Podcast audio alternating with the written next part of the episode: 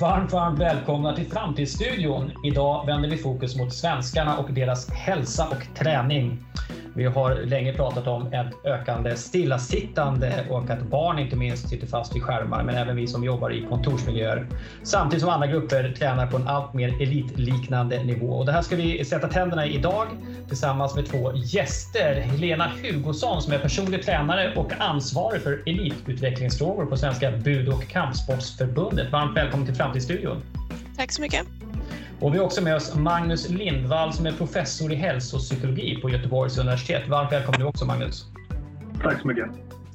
Eh, vi spelar in det här i eh, slutet av maj 2020 och vi sitter i våra respektive hem och eh, pratar i mikrofoner. Som ljudet låter märkligt så är det för att vi spelar in det här på distans förstås, som så mycket annat under dessa coronatider. Eh, men låt oss börja med Helena. Du är som sagt personlig tränare och jobbar med elitutvecklingsfrågor. Du är till och med ansvarig på Svenska Bud och kampsportsförbundet. Vad är din eh, väg fram till att hålla på så här mycket med träning och idrott? Vad är din bakgrund? Ja, eh, träning hela livet höll jag på att säga. Eh, egen bakgrund såklart då inom kampsport och eh, senare tyngdlyftning. Och eh, även utbildad personlig tränare. Eh, och ja, har man det intresset så brukar man också ha gått alla möjliga olika tränarutbildningar. Högt och lågt, allt från kettlebells till eh, tyngdlyftning och så vidare. Just det. Du, det här är sportintresset då, är det någonting som du har fått ärva eller var det någonting du började med helt själv utan så att säga, någon inspiration från familj och omgivning? För det är väl ganska ärftligt annars, tänker jag, med tränande? Ja, min pappa var en aktiv person. Eh, de, både min pappa och min mamma tillhör väl kanske generationen som slutade träna när de fick barn och närmade sig 40-50 år sådär i mm. ålder alltså. Mm. Eh, de behövde inte göra Ironman i 50-årsprocent mm. som det kanske är numera. Eh, däremot så tog jag stort intryck av min stora syster som jag efterapade i det mesta. Så hon började med kampsport och då började jag med kampsport. Just det. Ja, jag gjorde motsvarande grej fast åt andra hållet. Så att säga. Vi har inte en träningsfamilj i min bakgrund så att säga. Men däremot så dök ju scouterna upp. Då. Så när brorsan var på scouterna så började jag på scouterna. Jag brukar säga att jag räddade mig från idrottsrörelsen när jag vill bråka lite med mina vänner där. Magnus, eh, du är professor i hälsopsykologi. Eh, berätta först bara, vad är hälsopsykologi för någonting? Vad är det man studerar där? Ja, vi kan väl kanske oftast lättare säga vad inte hälsopsykologi är. Det går fortare mm -hmm. i princip allt som inte har med hälsa och psykologi att göra. Nej, men det, det skämt åsido, det handlar ju ganska mycket om sambandet mellan, mellan eh, oftast är det kroppslig, somatisk, fysisk hälsa och eh, psykologiska tillstånd. Eh, sambandet däremellan. Okej. Okay. Mm. Kan man säga. Så det, det innefattar ju väldigt många delar. Det som vi ska prata om idag här med, med stillasittande, fysisk aktivitet och hälsa och sådär eh, ligger ju ganska, ja, men ganska i mitten av det, av det området, hälsopsykologi. Just det. Jag skulle påstå att eh, psykologin har ju eh, sen eh, psykologin började växa fram i slutet på 1800-talet och därefter har den ju fått liksom större och större liksom, så genomslag i samhället. Alltså människor kan så mycket mer idag om psykologi och vi slänger oss med begrepp, olika diagnoser och beskrivningar av oss själva. Och det är personlighetstyper hit och dit och omgiven av idioter etc. etc. Ser du, är hälsopsykologi ett område som har vuxit i den akademiska världen också i, i närtid? Eller hur ser det ut? Är det många som håller på med det? Eh, nej, inte många skulle jag inte säga, men det, det, växer ju långsamt och det finns ju stort intresse utanför akademin för de här frågorna, inte minst alltså coronatid utanför också, så finns det jättestort intresse. Eh, så jag skulle inte säga att det är många. I Sverige får du leta ganska länge för att hitta personer som forskar precis bara på hälsopsykologi. Det, det, är inte så, det, är inte så, det är inte en så stor grupp. Sen är det många som ligger runt omkring det här området och fiskar lite grann sådär, som i närheten. Det är det absolut. Eh, det kopplat till det du sa med psykologi ska jag väl bara nämna lite grann att det är ju sant att kunskapen kring det här med psykologi har ju ökat kraftigt och vi vet mycket mer. Men samtidigt så är det en väldigt massa saker som många människor tror att de vet som inte stämmer. Så att det är samma där med desinformationen kring psykologi ökar ju dramatiskt också. Så att det, är, det är mycket av allting skulle jag vilja hävda om man, om man sitter som psykologisk forskare och tittar ut på vad det är som diskuteras så är man väldigt glad och tycker det är jättekul att man får så mycket rätt. Men samtidigt så så är det, man blir man ganska mörkrädd ibland också när man ser vissa diskussioner, vissa saker som tar över. Omgiven av idioter nämnde du givetvis ja, innan som, är, som absolut inte har någon stöd alls. Så det, det, är samma sak med hälsopsykologi. Det finns mycket myter, mycket desinformation också där ute. Så det är en komplex tid vi lever i. Men om du skulle ta chansen nu att debunka en myt här. Vad är, vad är en vanlig myt om, kring hälsopsykologi eller inte som, som liksom rör hälsopsykologiska området? Är det någonting du kan knäcka åt oss med en gång så att vi kan gå lite mer upplysta härifrån? Någon favorit på lager? Uh, ja, alltså mycket av det som har hänt med covid uh, som säljs med fiskolja och allt möjligt och kollodial silver och hela faderullan skulle nog vissa kunna placera inom hälsopsykologi. Uh, att vi kan påverka vårt immunförsvar och rädda oss från covid genom att göra allt från dricka klorin, som Trump tror, höll på att säga, till, till allt möjligt. Och det är ju fullkomliga myter, det är ju dumheter. Så det är klart, i sådana här extrema tider så, så kommer ju också kommer de här beteendena fram, att man vill försöka sälja saker och ting som man inte har stöd för. Eh, så det finns väldigt mycket hälsopsykologiska myter som florerar runt i, i sådana här tider. Mm. mm. Ja, dagens ämne är ju den svenska så att säga, folkhälsan i betydelsen eh, hur mycket folk rör sig och eh, hur det kommer att se ut framöver kring detta. Och det har ju länge talats om att ett ökande stillasittande är ett stort problem, eh, både bland vuxna och barn. Men hur stort är det? Vad är läget idag och vad kan vi förvänta oss för effekter framåt om vi inte bryter trenden? Vad är dina tankar där, Helena? Ja, om man ser till de som rör på sig så är det ju trenden att man rör på sig ganska mycket det är det här som jag nämnde inledningsvis med Ironman och eh, man ska inte bara springa maraton längre utan nu ska man ha 17 hinder på vägen och det har olika namn på de här loppen och så vidare.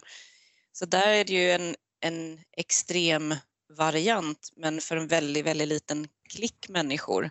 Ja, hur stor är den ungefär skulle du säga? Förlåt, men hur, många rör det sig om skulle säga, procent av vuxna befolkningen? Av någon uppfattning? jag, ja, jag skulle höfta och säga att om man ser till 18 till 65-åringar, om man räknar det som vuxna befolkningen så kanske det är en mellan 10 och 20 procent som kommer upp till det vi behöver röra på oss, alltså rekommendationer. Ja, just det. Och sen har vi en liten grupp om det som är de här mer extrema då. Ja, mm. Eh, så träning har ju blivit en identitetsmarkör eh, och man pratar om träning snarare om motion. Så att människor behöver ju motionera mer. För mig är ju träning att man tränar mot ett specifikt mål, men det är ju väldigt sällan. Det hör ju egentligen till idrottare, att man tränar mot en tävling till exempel. Just det. Och sen är ju den stora massan väldigt stillasittande.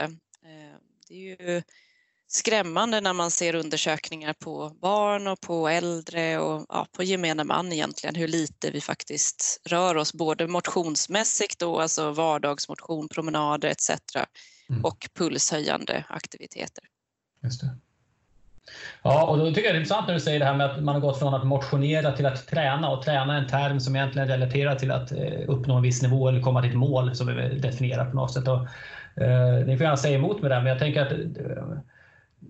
det har ju funnits en rörelse de senaste decennierna som handlar om personlig effektivitet, att sätta mål, att vara strukturerad även i arbetsliv så att säga.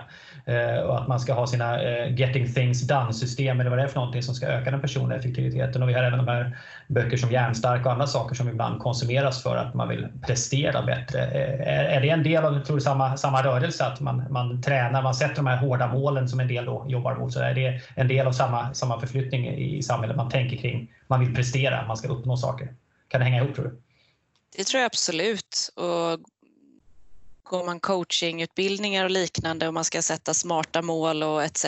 så ju, har ju motion då, eller träning på gym eh, blivit väldigt besatt av att sätta mål.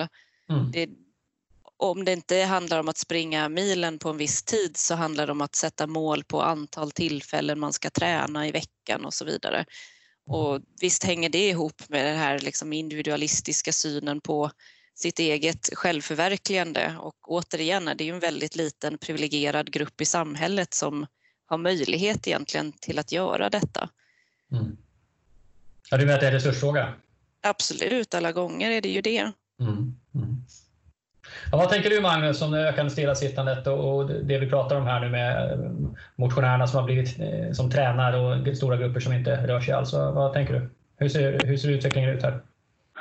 Ja, går man till forskningen så skulle jag säga att vi har inte... Det finns ju några stora studier som visar på att det är en global trend att vi rör oss mindre över hela världen. Eh, och Sverige tyder väl samma sak på det också. Sen ska man väl också komma ihåg att det är väldigt, väldigt svårt att mäta just stillasittande på ett bra sätt. Nu har vi lite bättre bättre redskap, eh, mer objektiva redskap nu för tiden som vi kan använda oss av. Men, men eh, det är väl en trend som man kan ändå se lite grann att eh, det som vi sa innan här då att det är tydligt att det är en, väldigt liten del i befolkningen som är tillräckligt aktiva enligt rekommendationerna. Mm. Oklart hur många, men kanske bara neråt en 10 procent. Eh, och eh, de flesta når inte dit upp och de som är väldigt aktiva så är det helt andra saker som driver ganska ofta. Och det är jättebra att de är aktiva. Eh, men det, det blir en väldig polarisering och det blir väldigt märkliga bilder som sprids. Liksom vad det, är som, alltså det som jag håller på med motivation som vi kommer in på att prata sen kanske tror jag, tror jag är helt centralt att man har till stora delar missuppfattat just vad motivation egentligen handlar om. Det finns väldigt, väldigt grumliga bilder av drivkrafter och vad det är som gör att vi är av och på i beteendet. Det tror jag också ligger bakom det. Mm. Ja, det ska jag få fördjupa senare. Men då tänker jag på något som Helena sa här att träning är också en identitetsmarkör. det är fler som har tänkt och reflekterat kring det, det här att att kan man, kan man forma sin kropp och, och, och, visa att man så att säga, är i kontroll, att man kan behärska det och man kan forma den. Det, det är ett tecken på självbehärskning, det är målmedvetenhet, det signalerar någonting om en, en mental kapacitet också skulle jag påstå. Eh, å ena sidan. Å andra sidan finns det grupper som, eh, nu spekulerar jag här, men jag tänker inom gamer-communityt eh, där man liksom, eh, utifrån beskrivs som väldigt stillasittande och passiva och ohälsosamma, åtminstone har varit det. Nu börjar ju elitgamers träna också och det har en helt annan stämning på DreamHack idag förstår jag än vad det var för tio år sedan. Men, men att, att man som, just som identitetsmarkör kan nästan säga då kanske, men jag tränar inte för jag är ju en gamer. Finns det en sån utveckling här också? Eh, det här med att man tillhör en liten tribe som har sin relation till fysisk rörelse. Vad, vad tror du Helena, finns det någonting i det? Ja, det är väl klart. Eh jag har ju ett intresse av att eh, skriva, ni vet den där romanen som ligger i byrålådan. Så då umgås jag lite med den litterära världen och där är det ju snarare en nästan en motreaktion att man vill inte ha någonting. Träningsmänniskor, det är något suspekt och något, de är lite på sin kant. Liksom. De som skriver, de dricker rödvin och röker och eh, ja, man, jag tror absolut, det är samma där, man hittar sin grupp av människor som man vill efterlikna och tillhöra. Och ja. Då gör man ganska lika. Vad tror du Magnus, ligger något i det? Har vi några sociala skiftningar här så säga, mellan olika grupper? Ja, men det tror jag absolut. Träning har ju precis som mycket annat en identitets en identitetsaspekt i sig. Att man, man, eh, träningen är inte bara svett och, och löparskor liksom, utan det är mycket annat som kommer med och som finns runt omkring. Och för vissa, återigen tror jag det är viktigt att säga, inte för alla, men för vissa så är det en väldigt central aspekt och som också driver beteendet. Att man är en del av en större helhet och känner tillhörighet och samhörighet i det och liksom, det bygger ens identitet. Och det, är en del, men det, är en, det är en del av den man är helt enkelt. Mm. Och med det så kommer ju alla devices och allting annat som är runt omkring också. Just det. En extremvariant på det där, det kom ju egentligen 2012, 2013 kanske när den här crossfit-vågen exploderade i träningsvärlden och där handlar det ju om att skapa en exklusiv grupp människor.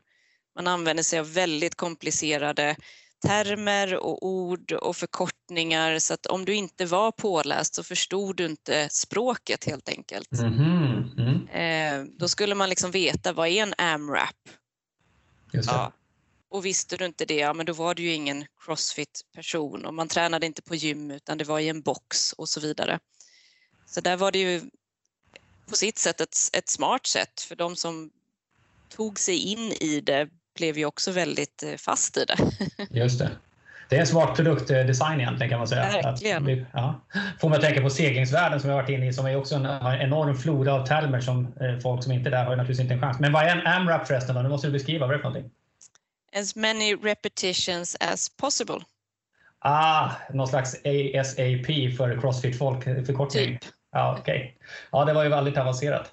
Eh, nu har vi pratat lite om drivkrafterna, vad som driver fram eh, människors olika beteenden. Men vad ser ni mer, förutom naturligtvis mer eh, kontorsarbete, mer gaming och så vidare? Vad, finns det andra drivkrafter som har drivit på den här utvecklingen från eh, mer rörelse per capita till mindre rörelse per capita? För det är väl korrekt att beskriva det så, att, vi har, att äldre generationer som yngre rörde sig mer än vad de gör nu, så att säga. Eh, men vad är drivkrafterna? Vad, vad, vad har vi för skäl till detta? Jag tänker att dels har vi ju en samhällsutveckling i eh, hur vi rör oss till och från jobb.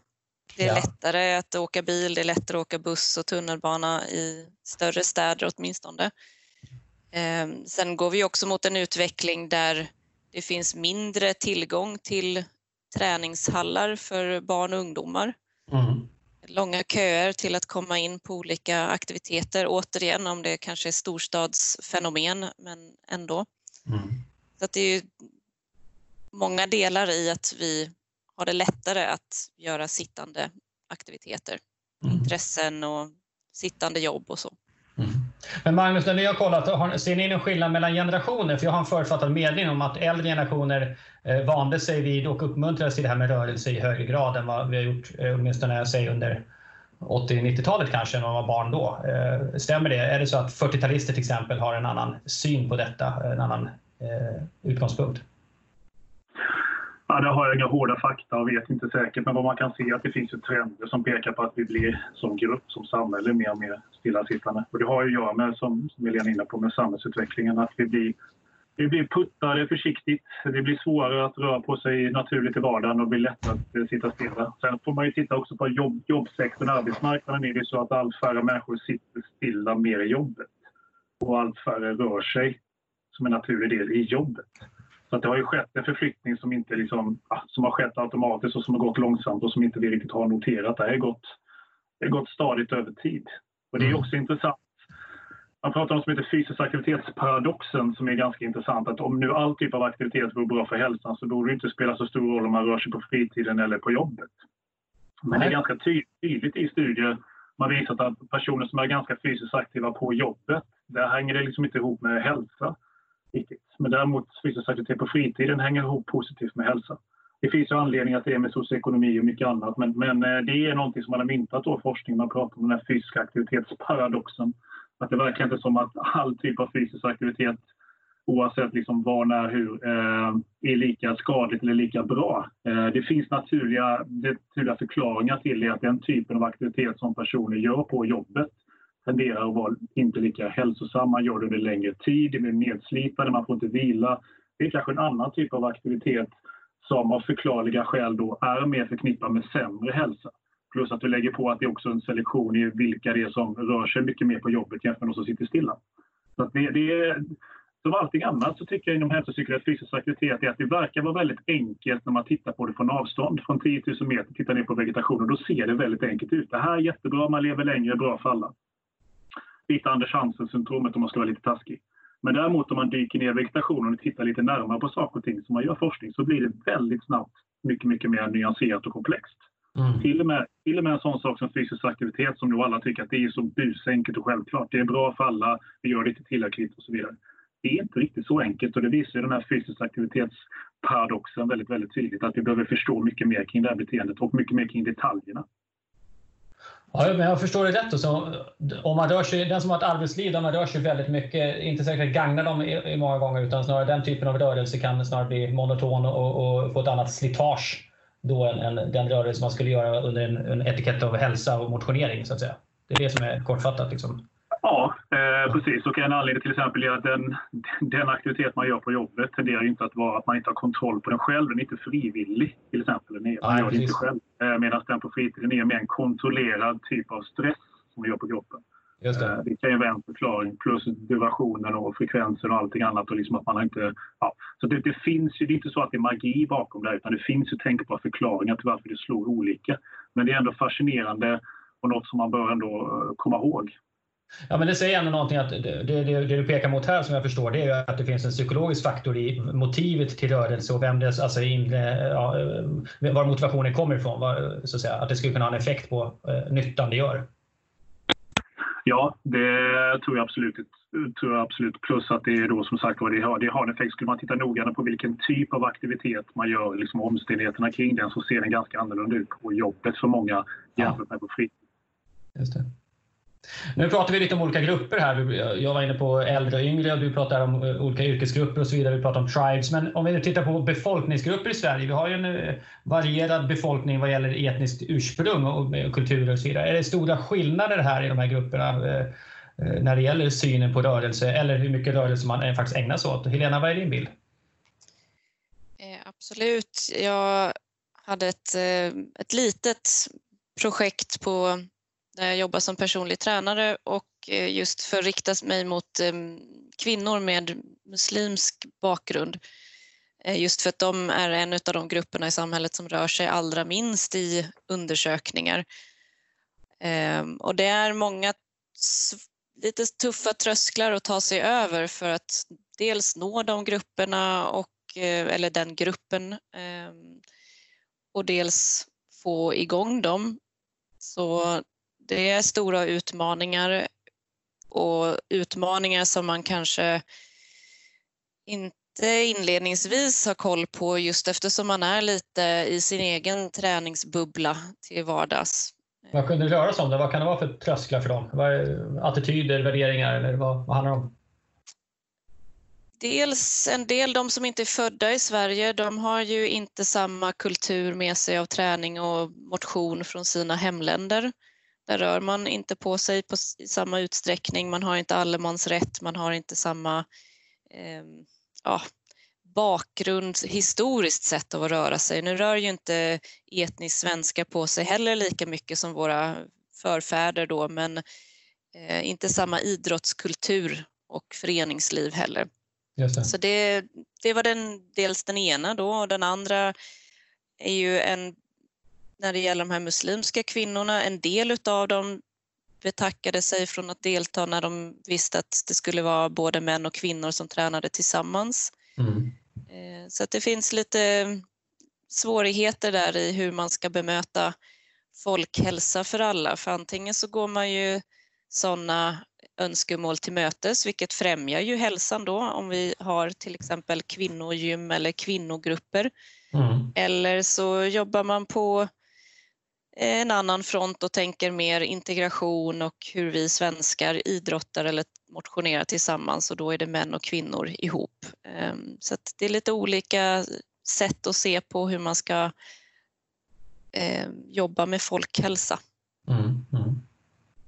Ja, intressant att säga det här med bakgrunden så att säga. Ehm, vi har ju, tänker jag, under början på 1900-talet så fanns det ju väldigt stor, eh, starka politiska idéer om den folkhälsan och eh, ibland med väldigt obehagliga undertoner. Men idén om att folket skulle vara hälsosamt och träning och sunda eh, livsstilar och så vidare, sportande och friluftsliv, en anda som inte bara var svensk utan tänka hela Nordeuropa i alla fall ska jag påstå, kanske ännu större. Och det är klart, den där historiska fasen har inte alla i världen gått igenom, om man nu ens borde göra det. Men, men det är ju naturligtvis en väsentlig skillnad och de där spåren ligger kvar, tänker jag, i en befolkning över tid, även om man inte pratar om det alls på samma sätt.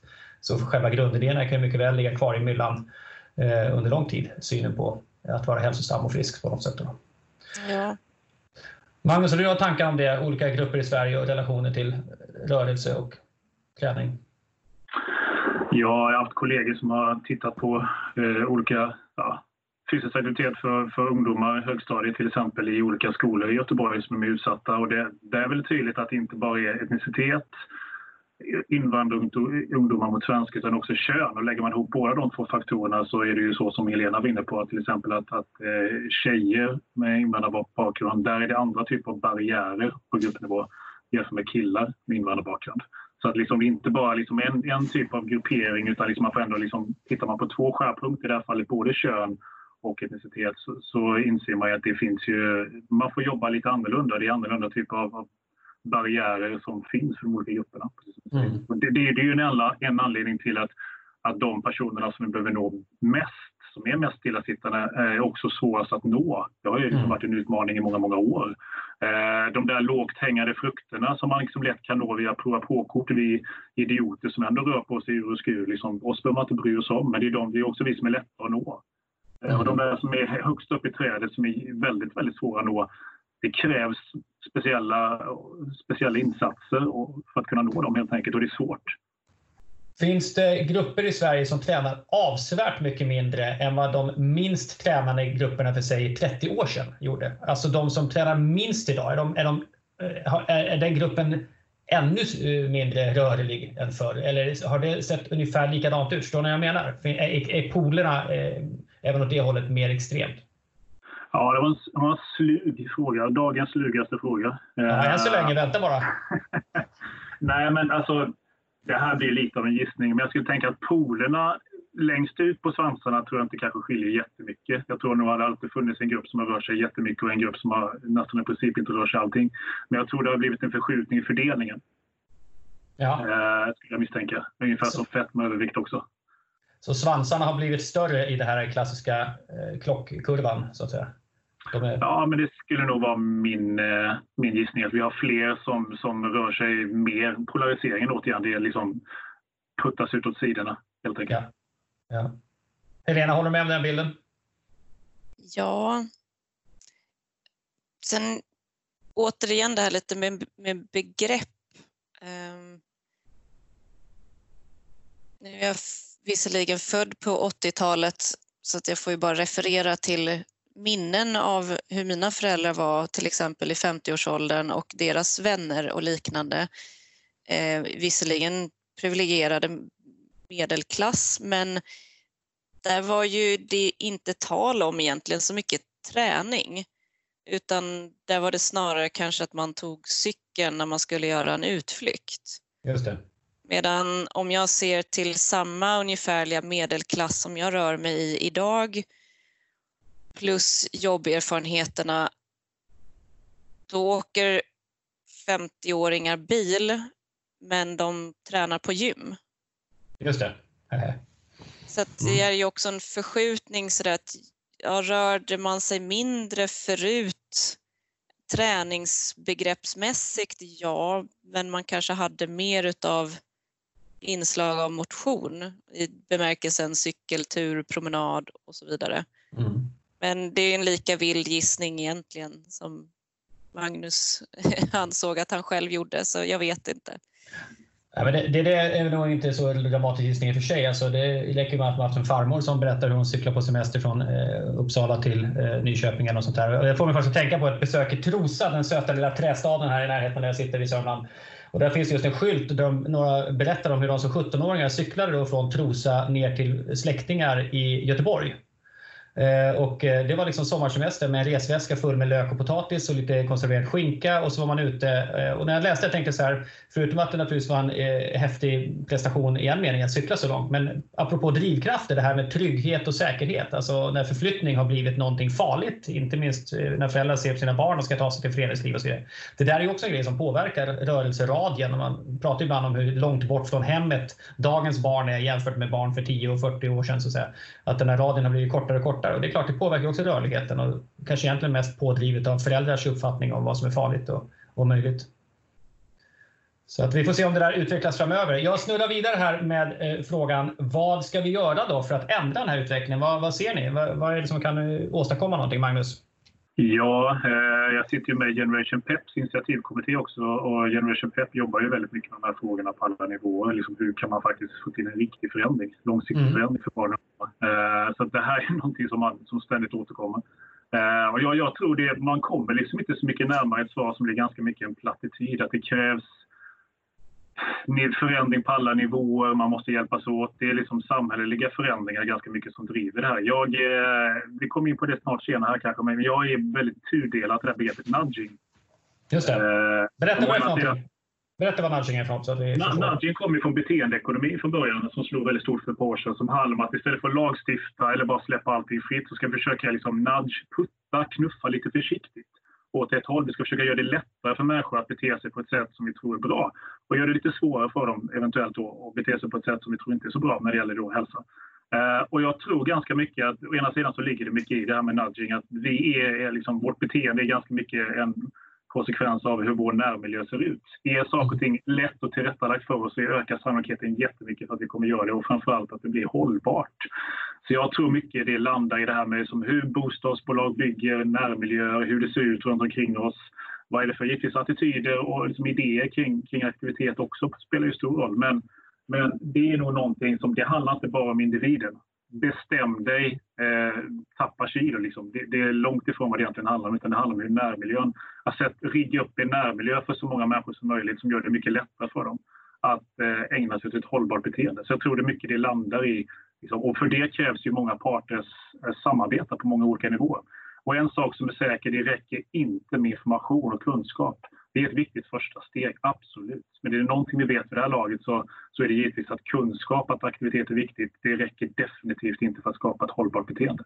Nej, just det. Folk vet egentligen det de behöver veta i väldigt hög grad redan.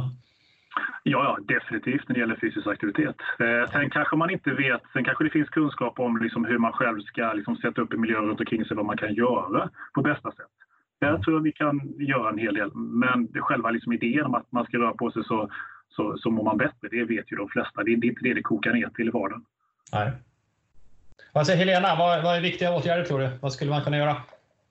Ja, vi är ju fullständigt eniga där, jag och Magnus. Eh, det är många som har den föreställningen som, eh, som kommer till mig i egenskap av personlig tränare. Mm. Eftersom de ser det här som sitt egna individuella val. Det är de som har gjort sig själva överviktiga och stillasittande. Ja. Eh, Medan jag ser det mer ur ett samhälleligt perspektiv, perspektiv i hur, hur saker och ting är utformade, som Magnus sa. Och där den enda eh, hjälp jag kan ge mig själv i det samhälle jag lever, det är ju att minska till exempel möjligheterna för mig själv. Har jag godis och snask eh, hemma så är det ju lättare för mig att äta det än om jag inte har det hemma. Mm. Ehm, jag såg på det här träningsprogrammet Bästa träningen som sändes nu under våren och där blev några av deltagarna fråntagen sin egen bil för att tvingas att gå. Mm. Eh, det är ju ganska drastiskt men det är ju ja, potentiellt ett sätt som man kan eh, tvinga sig själv till mer vardagsmotion.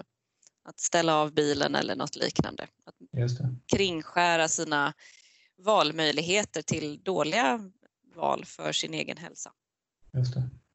Ja, det där tycker jag är oerhört intressant också för att eh, jag menar, samhället rör sig genom olika eh, perioder med olika idéer som dominerar på olika sätt. Vi kommer snart prata lite om motivationen och synen på motivation idag och så vidare. Eh, och eh, vi har ju rört oss de senaste decennierna kring en bild av den individen ska göra så mycket val som möjligt själv. Vi ska få forma våra liv så mycket som möjligt själva. Och samhället och andra aktörer ska inte störa oss i detta. Och det finns ju naturligtvis en positiv tanke i det och en positiv sida av detta. Och inte minst är det ju en rekyl från en tid som har varit mer politiskt styrd. Och så då. Eh, samtidigt upplever många att det är rätt svårt att det här att behärska sig. Ibland vill man ha hjälp av en annan aktör som gör någonting. Eh, och eh, som går in och styr upp, som du säger, ta bort den här bilen så jag kan inte välja det som jag har så svårt att avstå ifrån. Så att säga. Och jag kan tycka det som förälder där kan vara knepigt, för ibland tänker jag att Ja, jag vill få mina barn att förstå någonting, värdet i någonting, men de kan inte förstå det genom att tänka ut det, utan på något sätt måste de få uppleva det och då kommer de uppleva någonting inombords som de inte har upplevt förut. Eh, och det där att liksom knuffa någon genom en vägg som gör att de sen när de står på andra sidan inser, vänta nu, det var det första inte så jobbigt som jag trodde och det fanns ett värde här som jag inte riktigt kunde förstå förrän jag stod i det. Den där tycker jag är lurig, den där balansgången. För man kan uppleva som man hamnar då i någon slags auktoritär eh, stil som knuffar någon. Medan nudging till exempel, som Magnus pratar om här, det är ju liksom ett barn av den här idén om att stat och politik ska inte styra. Vi ska underlätta. Vi ska uppmuntra, men vi ska inte reglera så att säga. Eh, och allt det här har ju sina för och nackdelar. Men jag tycker det är svårt att navigera i det här. Kommer vi röra oss mot ett håll där folk kommer be om mer guidning så att säga, eller mer styrning till och med för att lösa sitt problem. Jag säger det för, för, för ett år sedan drygt så var det ju en insändare bland som jag tyckte var väldigt intressant när det var ett antal influencers som tyckte att politiken skulle styra mer kring klimatfrågan. Att inte överlämna det till individen utan att politiken skulle styra mer centralstyrning så att säga. Jag vet inte om man ska påstå att det är en bred trend, men jag, men jag tycker ändå det är en intressant fråga. Vad tror du Magnus, kommer vi se en utveckling åt det hållet där vi folk både kommer acceptera och be om mer utifrån styrning för att lösa sådana här typer av utmaningar som att komma ifrån? Är det, är det en sån tidsanda? Ja, eh, kanske. Det där är ju väldigt lurigt. För den ena sidan så behöver vi struktur och hjälp. Eh, vi kan ju göra liknelse. Eh, om vi nu tänker oss liksom skapa ett hållbart hälsobeteende, ungefär som Vasaloppet. Det är, liksom, det är ett Vasalopp, det handlar om lite 110 meter häck. Och då behöver vi hjälp. Så att, jag menar, om vi befinner oss i miljöer som inte hjälper oss och inte gör det lättare för oss överhuvudtaget. Vi har bilar, vi har snask, vi har allting runt omkring oss. Då är det ungefär som att åka Vasaloppet i ösregn, ingen vallning och blötsnö och motvind. Det är, ursäkta uttrycket, ett jävla slit helt enkelt. Vi kommer inte orka. Vissa kommer åka lite längre än andra. Men det kräver väldigt mycket självkontroll och självreglering för att åka med viljestyrka. Ja. Vi kommer inte orka i längden. Däremot om du har en miljö som är riggad på ett sätt så att liksom saker och ting gör det lättare för dig runt omkring då är det mer som att du har liksom solsken, medvind, fin valla, du glider fram. Du behöver inte ödsla lika mycket självkontroll och, och viljestyrka för att kunna få till det som du vill. Så det handlar ganska mycket om ett långsiktigt maratonlopp, att orka hålla i en vana långsiktigt och där är miljön väldigt, väldigt viktig. Eh, och så samtidigt behöver vi liksom hjälp med strukturer runt omkring oss. Men det handlar ganska mycket om att köper jag, där nu är vi inne på motivation lite kort, men köper jag själv den här styrningen? Är det jag som eftersöker och ser poängen med den? Eller blir den påtvingad? Blir den nedtryckt i halsen på mig? Den här det. det är utifrån psykologiska perspektiv väldigt, väldigt, väldigt viktigt långsiktigt. Och där tror jag vi har nyckeln nu när vi kommer in på motivation. Mm. Helena? Ja, jag tänker lite grann i skolan så har man skolgympa Mm. Ehm, det heter väl kanske inte så längre, men där motionerade vi och vissa hatade det. Jag tyckte det var kul ehm, och det var olika nivåer på saker och ting. Eh, jag förespråkar inte brännboll och bli vald sist och sådana traumatiska upplevelser, men det var en ganska naturlig del av ens liv. Och en sån typ av styrning på vuxna, jag tänker som arbetsgivare har jag ansvar för alkoholmissbruk och stressrelaterad eh, problematik och liknande för sina anställda. Att någon form av eh, rätt till, eller inte rätt för det har man kanske i viss mån med friskvårdsbidrag och liknande, men att det skulle vara en mer tydlig del av ens arbetsliv skulle kanske göra det där Vasaloppet lite lättare och lite soligare med reservationen för att man får välja sin aktivitet själv. Man måste inte göra Ironman utan som sagt en promenad funkar rätt bra. Mm. Ja, du menar att det arbetet skulle, man skulle få tid till det i ännu högre grad i, i arbetslivet? Ja, exakt. Att det är någonting som schemaläggs, eh, eller schemaläggs heter det. Eh, istället för att man ger friskvårdsbidrag eller friskvårdstimmar, vilket tilltalar bara de som redan är igång, så är det någonting som är schemalagt så behöver ju alla göra det. Mm. Mm. Ja, vad tror du Magnus, är det en väg framåt? Ja, men det är ju återigen, det är en fin linje mellan ändå att få en struktur så att det blir av, för det behöver man i den mån. Eh, å andra sidan så, så där tror jag att problemet är just vissa, vissa insatser på arbetsplatser, man försöker få igång folk och olika aktiviteter och projekt då det blir liksom känslan är att de som man ska komma åt som behöver det mest, de känner att det här är liksom påtvingat. Jag köper inte det här, jag gör det bara för att undvika att få mindre lön eller för att undvika några andra bestraffningar åt någonting. Och då kommer det inte bli hållbart. Utan det är liksom någonstans längs med resan så måste man också göra det till sitt eget och känna att men jag köper det. Det här är ju jätteviktigt hur man lägger fram det. Mm. Jag kan säga att vi gjorde en studie 2018, Morgondagens medborgare. Där frågade vi människor om vilka rättigheter och skyldigheter de tycker att de har i samhället. Då fick de välja från en lång, lång lista med rättigheter och skyldigheter som allt handlar om att eh, betala skatt och bidra till att eh, eh, att få samma samhällsservice oavsett var man bor etc. Massa sådana frågor. Och då var det så att 72 procent av de som är 16 till 65 tycker att det är en rättighet att få hjälp att sköta sin hälsa. Det borde så samhället leverera. 72% tycker att man ska få hjälp att sköta sin hälsa. Och bland 16 till 25-åringar är siffran till och med lite högre, 78% och Det säger någonting om, om förväntan om att eh, kommunen eller staten på något sätt bör engagera sig och göra det lättare för mig eller hjälpa mig att få min hälsa att bli bra. Sen vad det betyder kan man tolka på olika sätt.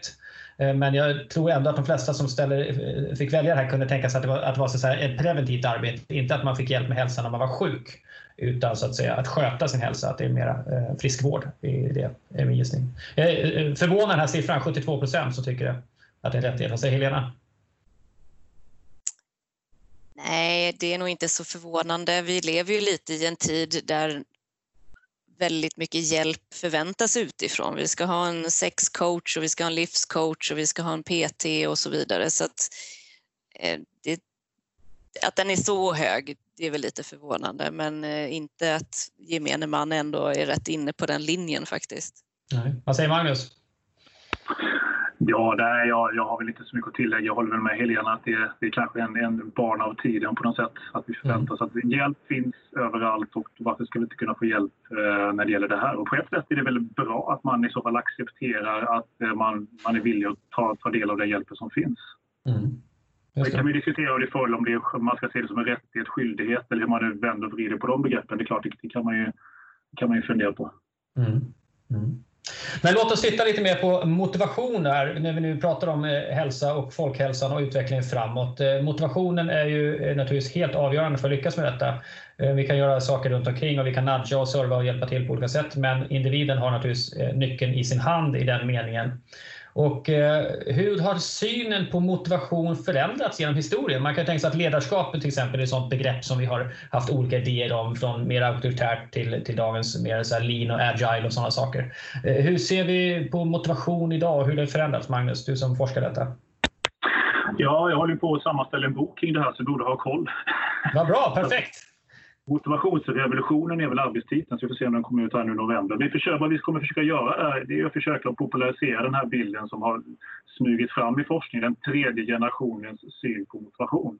Eh, man kan säga att den första generationen handlade mer om att motivation är lika med drifter. Det handlar om mat, vatten, vi är törstiga, hungriga, sex, eh, sömn och så vidare. Liksom. Sen gick man till motivation 2.0 som har varit förhärskande länge och som fortfarande är det idag, som handlar om morot och piska.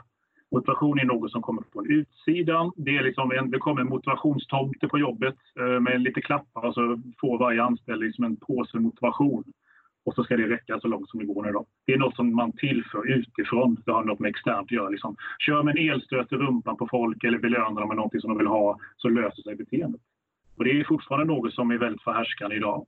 Eh, den här tredje generationens eh, motivation handlar mer om att drivkrafterna och vad vi behöver för att skapa en hållbart beteende finns redan på insidan. Vi behöver inte locka med det eller belöna det på utsidan. Det handlar om att sätta upp, återigen, vi varit inne på det, en bra miljö runt personen. Eh, en schysst spelplan, liksom, så kommer de här sakerna att, att bli bra. Det låter ju, låter ju enkelt, men, men det handlar mer om att liksom, det finns på insidan och framförallt handlar det om att vi människor, liksom, för att kunna få ett hållbart beteende så måste vi tillfredsställa vissa psykologiska behov som handlar till exempel om att man ska känna sig kompetent, så att man klarar av ett beteende. Autonomi har vi varit inne på flera gånger. Autonomi här handlar om valfrihet, frivillighet, att jag känner att det här utgår från mitt beteende. Jag sitter i förarsätet liksom bakom ratten i mitt eget liv.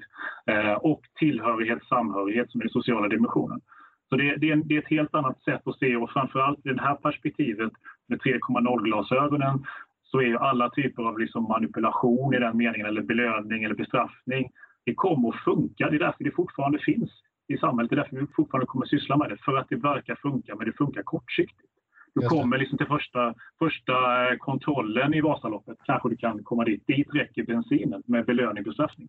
Men det räcker inte längre för de flesta, utan du behöver en helt annan typ av hållbart bränsle i tanken för att det ska funka.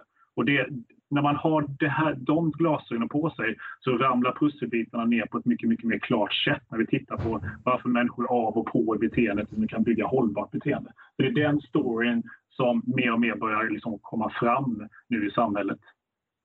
Just det, och den som vill gräva mer i det där, visst är det self-determination theory som det kallas, den här eh, faktorn du pratar om? Helt korrekt. Eh, precis. Självbestämmande teorin slarvigt på svenska. Just det, precis. Ja, Helena, vad tänker du som också varit inne väldigt mycket i idrottsrörelsen och sett hur ni har talat om motivation och, och hur man överför sätt att tänka kring det kring människor som tränar. Så hur, hur har det förändrats över tid? Kan du se en tydlig förändring? Um, förändringen har nog varit just förståelsen kring motivation och det tycker jag hänger ihop väldigt mycket med ledarskap. Om jag ser till eh, de här kampsportslandslagen som jag bistår, där när man diskuterar vad man har för hemmatränare och mina egna erfarenheter från hemmatränare och sådär att en, en tränare som utan kunskap ändå har följt den här teorin som vi nämnde har ju oftast haft en bättre miljö där fler individer har trivts. Sen har vi haft mer auktoritära ledare som oftare enligt, det är ju inte, det är min eh, erfarenhet och inte forskningsbelagt, men att de har fler dropouts, det slutar fler individer och de som slutar slutar ofta med bittrare smak i munnen. Att man inte nådde hela fra vägen fram eller att resan var inte riktigt resan värd. Man nådde ändå aldrig målet och så vidare. Ehm, så att ledarskapet utifrån de här termerna och tänket är ju en stor del i att skapa framgång när det gäller internationella mästerskap och liknande. Ja, men utifrån de här begreppen då som, som ehm, Magnus pratade om här i Self-Determination Theory med att man har en upplevelse av kompetens, man har nog med autonomi och att man har en tillhörighet. Hur, hur gör man i lagsport till exempel när man ska få människor att träna och prestera tillsammans med andra? Det finns ju en möjlig konflikt då mellan känslan av att ha autonomi och självbestämmande alltså över hur det här ska gå till och gruppens behov och, och sådana saker. Hur, hur jobbar man med det Helena? Har du tankar om det? För det kan vara överförbart även i, i arbetslivet. Jag har ju inte lagidrott eftersom det är kampsporter som tävlar individuellt men däremot är man ju ändå del av ett lag och de flesta tränar i en grupp. Och där handlar det ju egentligen om att en individ ska ha möjlighet att utforma sin träning och egentligen då sin tävlingssatsning utifrån eh, egna behov och önskemål. Man kan ha en, en viss del av träningen som består av att man får välja vilken teknik man själv vill bli bättre på eller öva mer på till exempel. Mm. Och det går ju även med eh, i PT-rollen. Eh, jag behöver inte stå som en elak bootcamp-ledare och skrika utan jag kan också ge alternativ till en person. Föredrar du den här övningen eller den där övningen? Mm. Och då får man ett, en viss känsla av att man ändå kan eh, bidra till egna val i sin träning. Just det, det är klassiskt ledarskapsknep. Man ger folk två alternativ som man tycker är bra vilket som helst och så upplevs det att man känner att man väljer själv som medarbetare. Det är klockrent. Exakt. Eh, värt att notera. Eh, jag tänker på en sak där eh, Magnus, du pratar om de här self-determination theory och vad som kan göra att människor så att säga blommar ut då in, in motivation som kommer inifrån för att förutsättningarna ligger rätt och, och, och de här faktorerna är tillgodosedda. En sak som jag klurar på det är ju synen på att uthärda någonting. Alltså om vi tänker oss eh, in i till exempel i traditionell mansroll så har det varit att, eh, att någonting premieras, att man biter ihop och kämpar igenom och man fryser inte. Och man är, alltså det här som ibland kan kallas lite machokultur, att man är så att säga lite okänslig för sin egen upplevelse för att det gör att man blir uthållig i någon mening. Eh, och att det har liksom fostrat en, en, ett förhållningssätt där bita ihop är någonting som man bör kunna. Och det har jag funderat på ibland.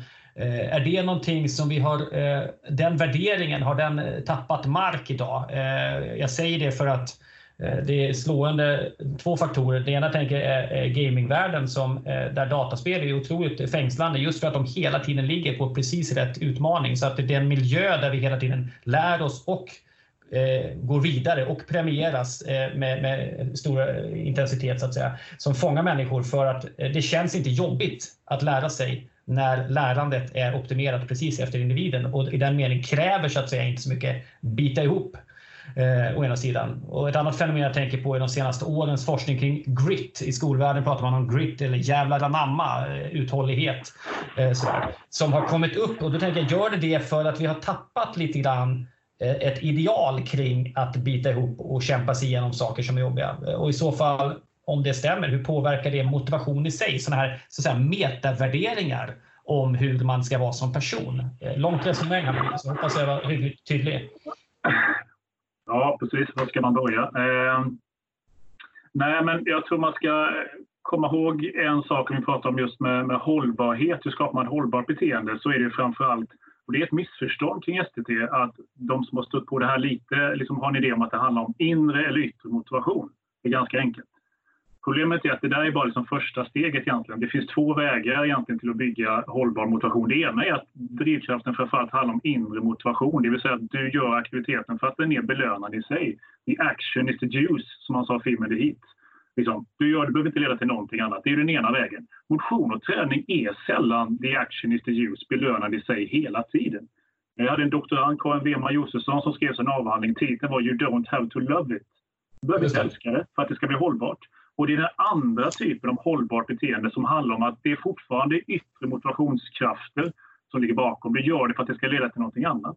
Men du har tagit in värdet av beteendet i det. Du gör det inte för Socialstyrelsens skull eller för någon hälsopsykologiprofessors skull eller för någon PTs skull. Du gör det för att du själv köper värdet bakom beteendet, värderingen. Det är i linje med dina egna värderingar.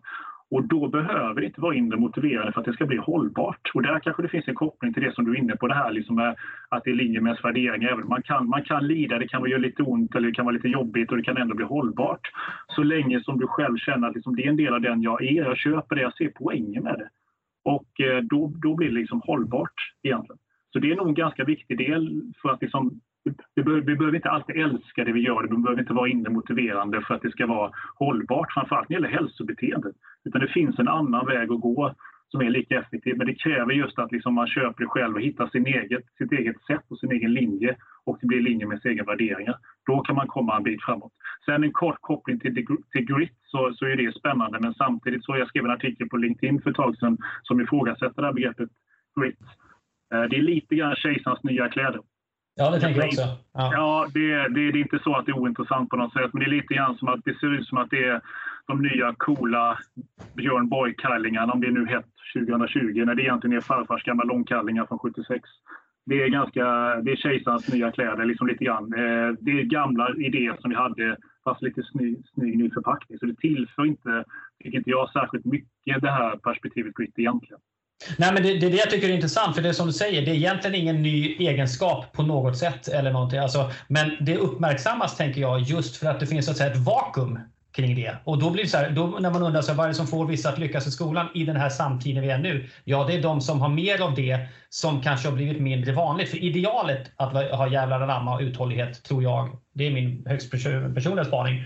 Jag tror att det har ut, utmanats och utmattats lite grann så att säga, eller, eller försvagats på något sätt. För jag tänker det du är inne på här också med värderingar, för att Eh, intressant hur du delar det på intern och extern motivation. Jag hade inte gjort det på samma sätt och därför lyssnar jag gärna på vad du tänker. Superintressant att, att yttre motivation är att man gör det, ehm, eh, skulle göra det för, för den långsiktiga nyttan. Eh, men, men det du är inne på som är verkligen intressant, är ju, har vi en värdering som vi förverkligar när vi tränar. Även om det är tråkigt att träna ibland, är smärtsamt, så har vi en värdering som vi eh, uttrycker i det. Till exempel att jag, jag håller ut, jag, jag springer här i, i regnet och kylan för jag, jag är ute och tränar fast det är jobbigt. Och då, då ger det mig energi så att säga. Eh, då bekräftar det vem jag vill vara.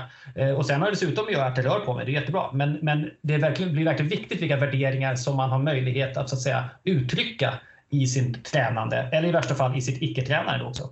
Förstår jag det rätt? Ja, men det är sant. Alltså, lite grann, det här med yttre motivation, det är ju ett problem då att det kan vara, vi kan ha olika typer av yttre motivation. Vissa som är väldigt mycket mer kortsiktiga, vissa som är lite mer långsiktiga. Det du är inne på, det är ju mer, det mer, det mer kan man säga, självbestämmande, den mer hållbara typen av motivation och det är i linje med ens värderingar.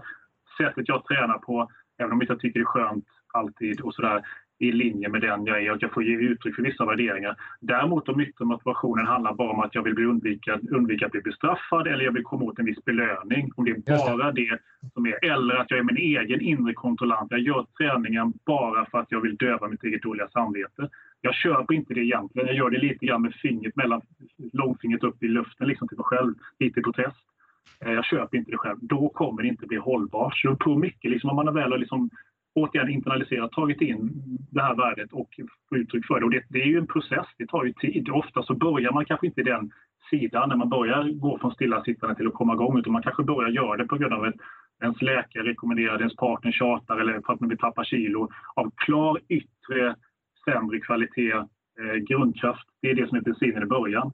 Men då är nyckeln liksom, längs med resan lyckas man då växla över till andra typer av drivkrafter som är mer hållbara. Lyckas man hitta sin grej i träningen, då har det mycket större chans att bli hållbart. Vi har ju alla en blandning i bensintanken motivationsmässigt av olika drivkrafter hela tiden.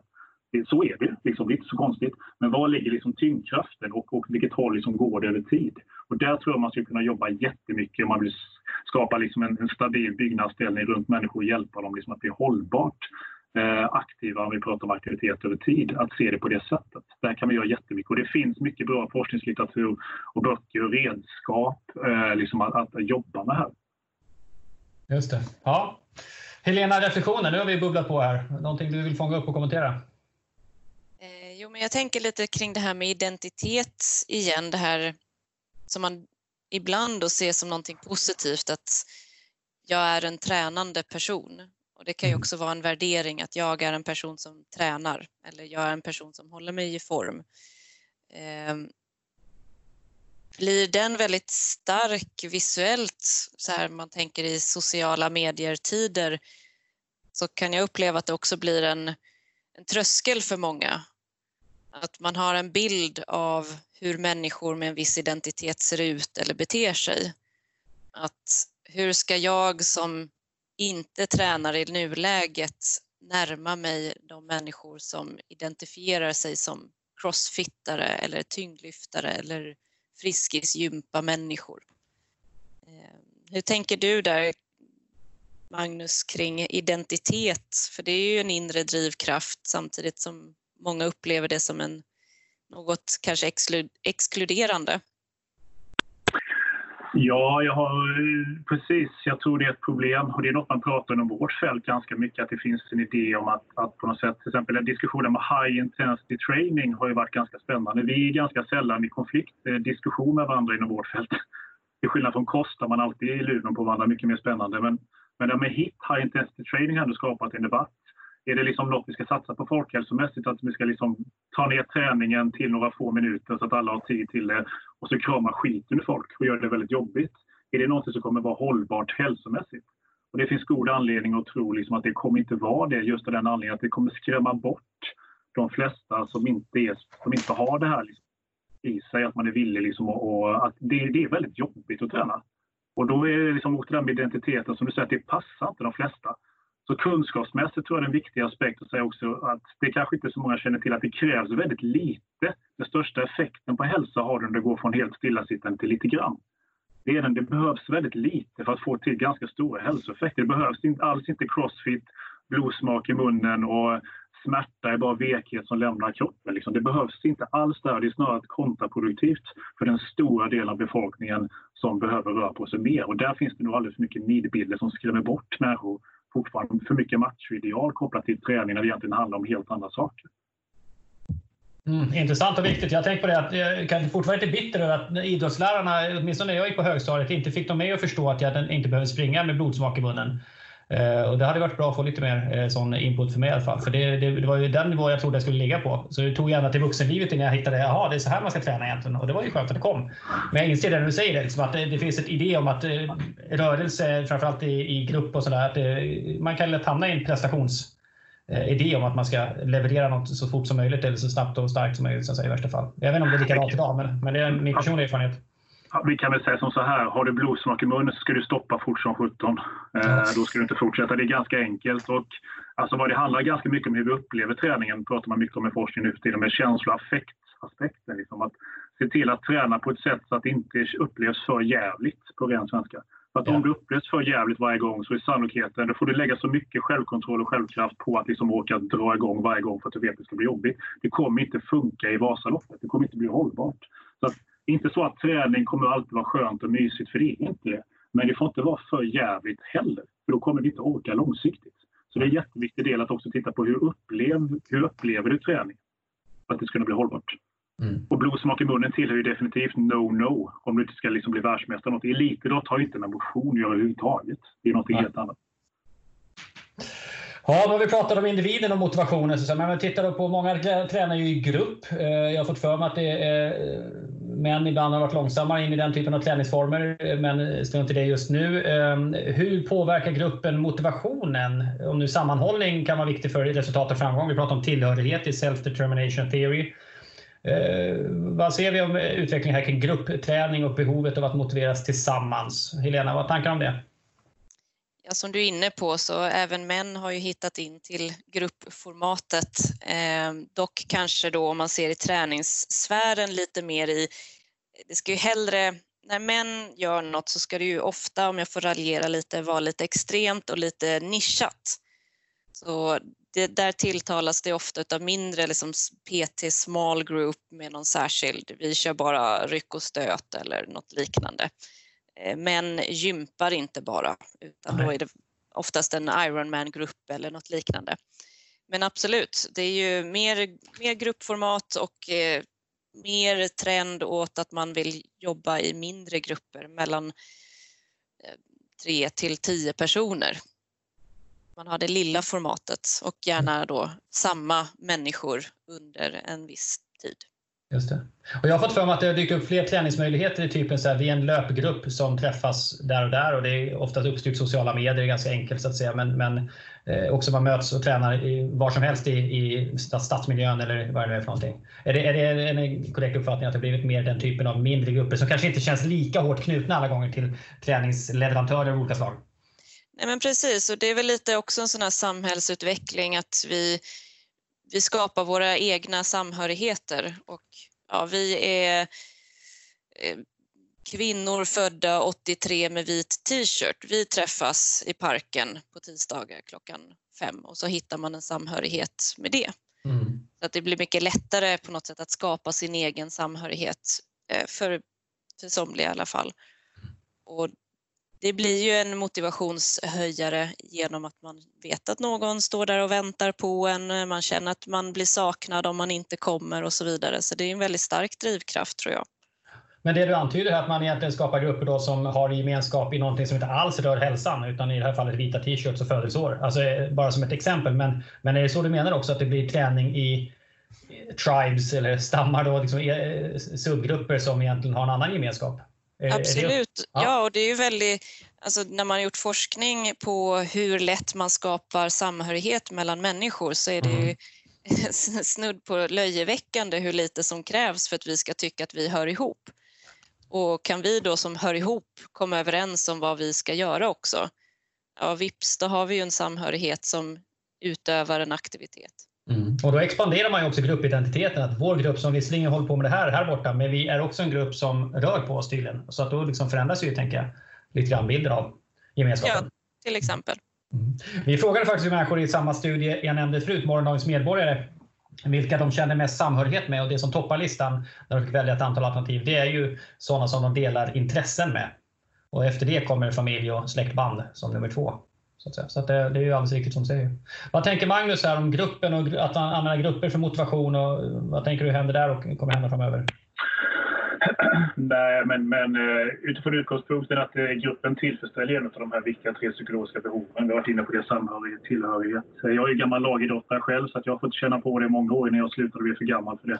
Eh, och det var väl det som man saknade. Det säger många som man pratar med som håller på tävlingsidrott att jag var inte på så hög nivå men ändå den dag man lägger av så det kanske liksom inte är det att man fick göra avgörande målet som man saknat, utan det är tjatet i omklädningsrummet, det är liksom samvaron, det är allt det där som man inte, som man inte förstod att man egentligen saknade när man höll på.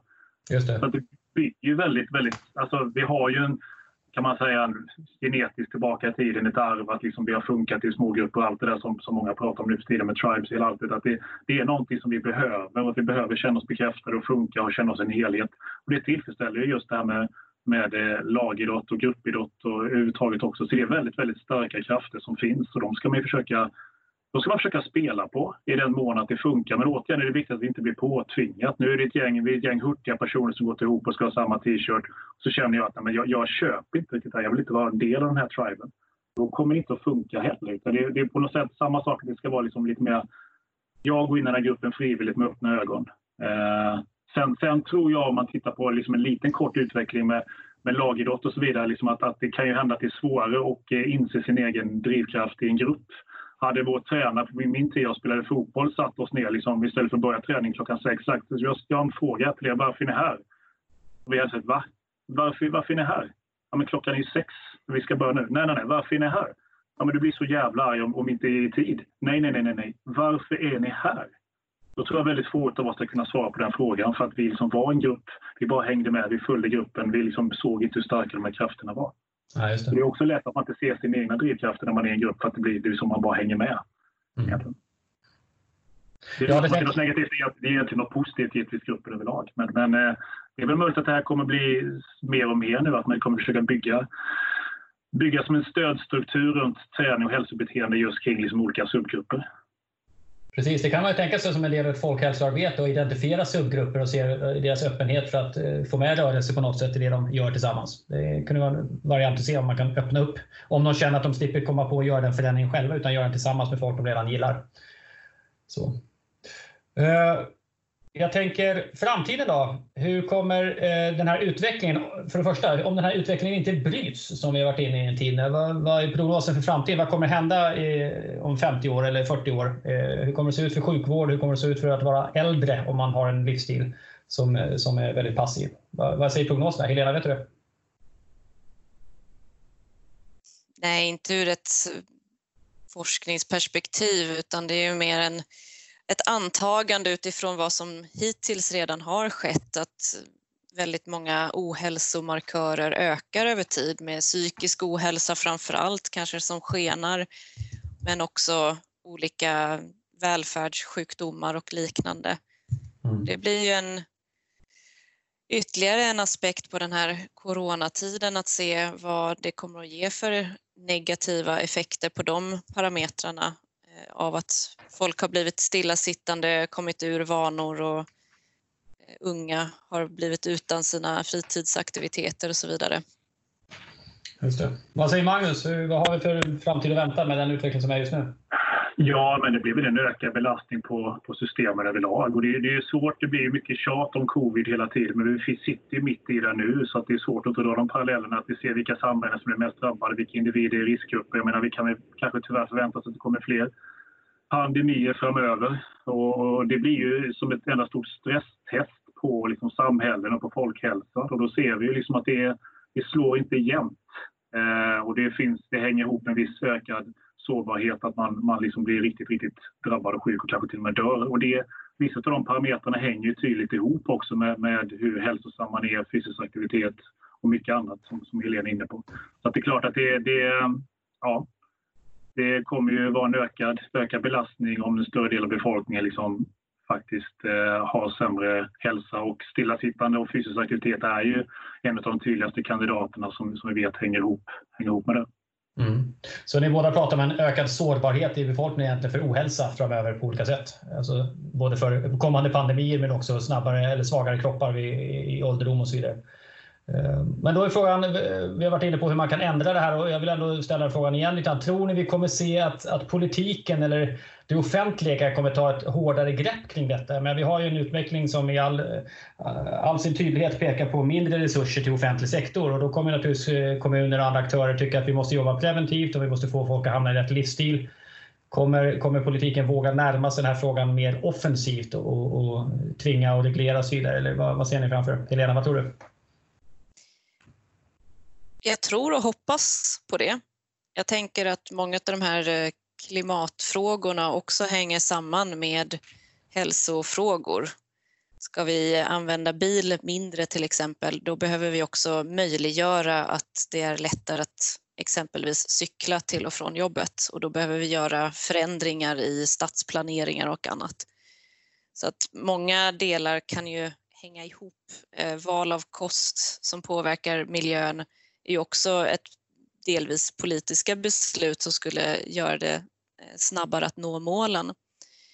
Så många av delarna hänger ihop eh, och då finns det också möjligheter att ta andra grepp om det. Jag tror att det finns delar i det, dels ett självbestämmande som är viktigt för människor men en större kollektiv anda tror jag framöver än den här lite liberala individualismen som har rådit under många årtionden. Det tror jag skulle gynna våra hälsoaspekter också, att man vill göra krafttag tillsammans lite mer. Mm. Och det är som en... Nu i de här coronatiderna som man pratar om så visst, folk är ute och joggar då istället för att gå till gymmet. Men så ser man också folk som eh, vi är så beroende av varandra och vill träffas så vips så uppstår det en sån här liten jogginggrupp av några grannar eller lite kompisar och sådär. Mm. Så behovet av att vara tillsammans uppstår ju om och om igen. Och det tror jag kommer vara en liten framtidsmelodi, att man vill ha stöttning i det så att det här Vasaloppet blir soligt och glatt som vi var inne på. Eh, men också ha en viss möjlighet att välja vilken inriktning man gör det på. Mm. Men det är intressant att du flätar ihop de här flera behov som finns för samhället i stort med eh, klimatfrågan och hälsan hänger ihop och köttkonsumtion och sådana saker. Det är, är möjligt att det, det, kommer låna så att säga drivkraft av varandra och förstärka trenden till mer, mer politiska beslut med, möjligtvis. Vad tänker du Magnus, hur ser framtiden ut på det här området? Blir det mer centralstyrt och reglerat och knuffat och nudgat? Ja, eh, de orden väcker ju liksom känslor hos en STT-nörd som mig när du säger nudgat och tvingat och allt vad det var du använder. Så att mm. du, du sätter finger på något som är viktigt där. Mer stöd, definitivt, eh, från samhället och från politiker. Absolut, för det behöver, vi behöver stödstrukturer för hjälp. Något som vi har noterat i coronatid är att det finns en väldigt fin linje mellan stöd och kontroll. Och default i samhället har vi sett många länder utanför Sverige är ju inte att liksom frivilligt ansvar, höll på att säga, och hjälpa människor, utan det är liksom att se till att kontrollera människor, stänga gränser, svetsa igen dörrar, våga inte lita på att människor sköter sig. Det är det, det, är det som är liksom default hos många, det är det som känns rätt i magkänslan. Och om vi hamnar där, att vi ska försöka kontrollera människor via olika beslut i politiken, då tror jag utifrån SDs glasögon att det blir rent kontraproduktivt. Definitivt. Utan det handlar om hur man sjösätter det här på ett sätt som man liksom, vi, vi hjälper till att sätta upp en spelplan som återigen ökar sannolikheten att vi gör det. Vi tillsätter resurser. Vi ser till att försöka minska trösklar i närheten. Eh, valla lite bättre. Få bort den elaka blötsnön i spåret. Eh, då har vi bättre chans att göra det. Men däremot att kontrollera folk och slänga ut dem fast de inte känner för det i spåret, det kommer inte att hjälpa särskilt många. Så det är en fin linje, men ska komma ihåg att det här med kontroll är, tror jag, tyvärr default. Det ligger väldigt nära oss. Eh, framförallt om vi är pressade och stressade eh, när vi ska ta beslut. Då faller vi gärna tillbaka på att vi vill gärna kontrollera andra. Mm. Jag tycker det är intressant också att tänka sig att, eh, att olika generationer ställer sig olika till politikens mandat. Alltså hur mycket får politiken styra? Jag, jag, min gissning som jag skrev om på LinkedIn här nyligen eh, något jag kallar för det liberalkollektivistiska samhällskontraktet. Det var just en, en uppfattning, upplevelse från min sida när jag ser vår data. Så att unga, å ena sidan är liberalerna i synen på respekten för individen och rättigheten att eh, utveckla sitt liv som man vill och uttrycka sig själv. Så att säga. Men också en förväntan om en, en, en offentlighet, en statsapparat som servar och hjälper oss i detta och också där man är beredd att sälja en del av den frihet som äldre generationer kämpade till sig under 90-talets eh, liberalisering av samhället. Den kanske inte skattas fullt lika högt så länge staten gör ett bra jobb naturligtvis. Då. Men vi får väl se hur, vilken mandat politiken egentligen har och vad det är som kommer funka. Sista frågan. Ja, vi kan väl fundera på det med tanke på appar och hjälpmedel eh, ja. i framtiden som kanske överlever covid här. Att vi har helt plötsligt eh, normalisering av eh, obligatoriska hälsoappar som ska hjälpa oss att bli mer fysiskt aktiva där du samtidigt tvingas ge upp din integritet och ge över data till staten eller till någon annan. Kommer vi att acceptera det då? Eh, du gör, du gör liksom en, en transition här då på något sätt. Okej, okay, om jag får lite mer hjälp via den här appen att komma igång och leva lite längre och må lite bättre, då ger jag över all min hälsodata till er, till staten och bli, gå med på att bli mer övervakad. Är det liksom en övergång som vi kommer tycka är okej? Okay? Den är ganska intressant, för jag tror det här med övervakning och appar och hela alltet, det har ju bara fått en, en fast forward-kick nu med covid. Det kommer inte lämna oss än. Det kommer överföras just till, till, till hälsa och träning, det vi pratar om. Det är kanske ett framtida avsnitt om en två, tre år, se vad vi har landat då. Ja, precis. Och jag tror du har alldeles rätt i det. Alltså, är något corona knuffar på är det ju bland annat integritetsfrågorna. Och jag tänker att tar man väl, skulle samhället eh, få tag på data om individer, alltså hitta ett system under en period där man faktiskt, eh, många individer delar data och därmed kan hjälpa människor att förutse skeenden. Så, så det är ungefär som att eh, skaffa eh, trafiktullar. Det är ingenting man tar bort efteråt. Har man väl fått den skatteintäkten så lämnar man ogärna den sen. Eh, så att, eh, vi får se hur långt, hur långt det går i, i den utvecklingen. Men det är tekniskt fullt möjligt. Vad tänker du Helena, ser du några andra tekniska utvecklingar framöver förutom de här motiverande apparna av olika slag? Eh, något annat som du ser är på gång som du tror skulle kunna påverka den här utvecklingen? Rent träningsmässigt så tror jag ju inte att yrket personlig tränare kommer att existera som det gör idag om, ja, jag vet inte hur lång tid vi har kvar, Nej. tio år max. Alltså just den här att skriva program eller ta fram den bästa träningen. Eh, den kan ju automatiseras av datorprogram och appar och artificiell intelligens eh, väldigt enkelt egentligen. Så den kunskapsbiten, den är ju, ja, den sitter vi ju inte på särskilt länge till. Motivationsmässigt, ja, är man inne på Magnus forskarlinje då, liksom med vad är egentligen bäst? Ska vi ha personliga tränare och eh, idrottstränare som är enligt en gammal modell och kanske inte ens motiverar på bästa sätt. Ja, jag vet inte.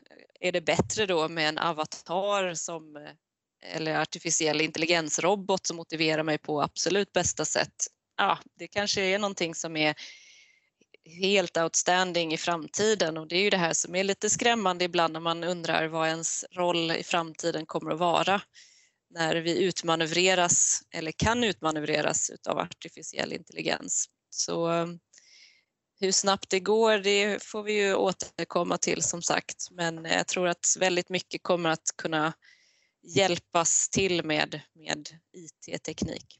Mm. Jag kan säga som en kommentar att jag varit involverad i lite projekt kring just digitala plattformar och motivation att få in STT. Det viktigaste är med algoritmerna i så fall, att man får in liksom vilka algoritmer lägger vi in här? Vad är det man ska trycka på i systemet? Och det låter inte så himla, kan jag säga, men det, det låter mina öron inte så svårt. Det lät inte så svårt. Det är väl bara att dunka in STTs algoritmerna, få till en schysst AI som lär sig själv och sen så har vi löst allting. Eh, jag har blivit ganska mycket mer ödmjuk i den frågan. Jag säger inte att inte det är en väg framåt.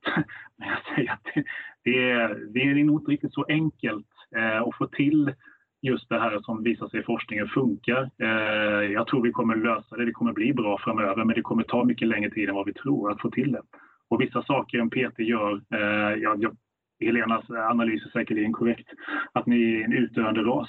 Eh, men eh, jag tror det är någonting som Peter gör det här fysiska mötet som inte är helt självklart att, att eh, få in hur som helst via liksom, digitala appar.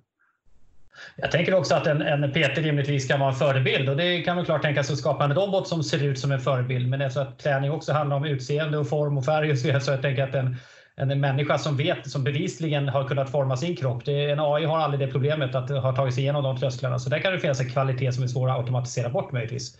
Men som du säger, den mera eh, kvantitativa rådgivningen, vad ska jag äta, hur mycket ska jag träna? Ja, det kommer naturligtvis maskinerna, eh, kan vi redan nu, bättre göra om de har tillgång till hälsodata. Det ska jag gissa. Helena?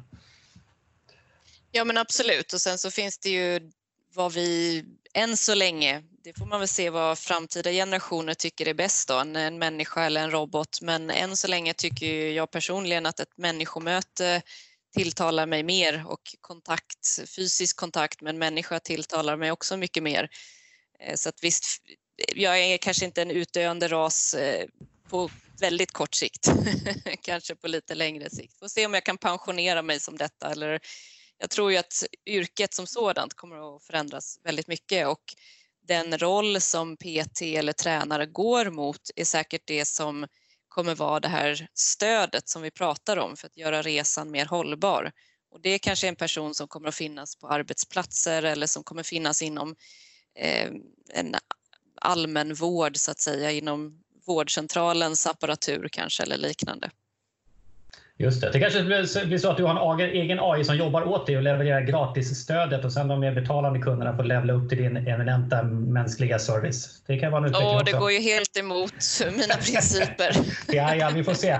Tekniken har ändrat många människors principer. Vi får se hur det går för dig.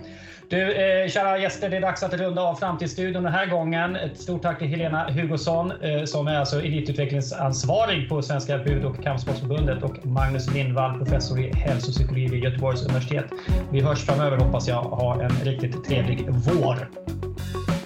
Tusen tack. Tack så mycket.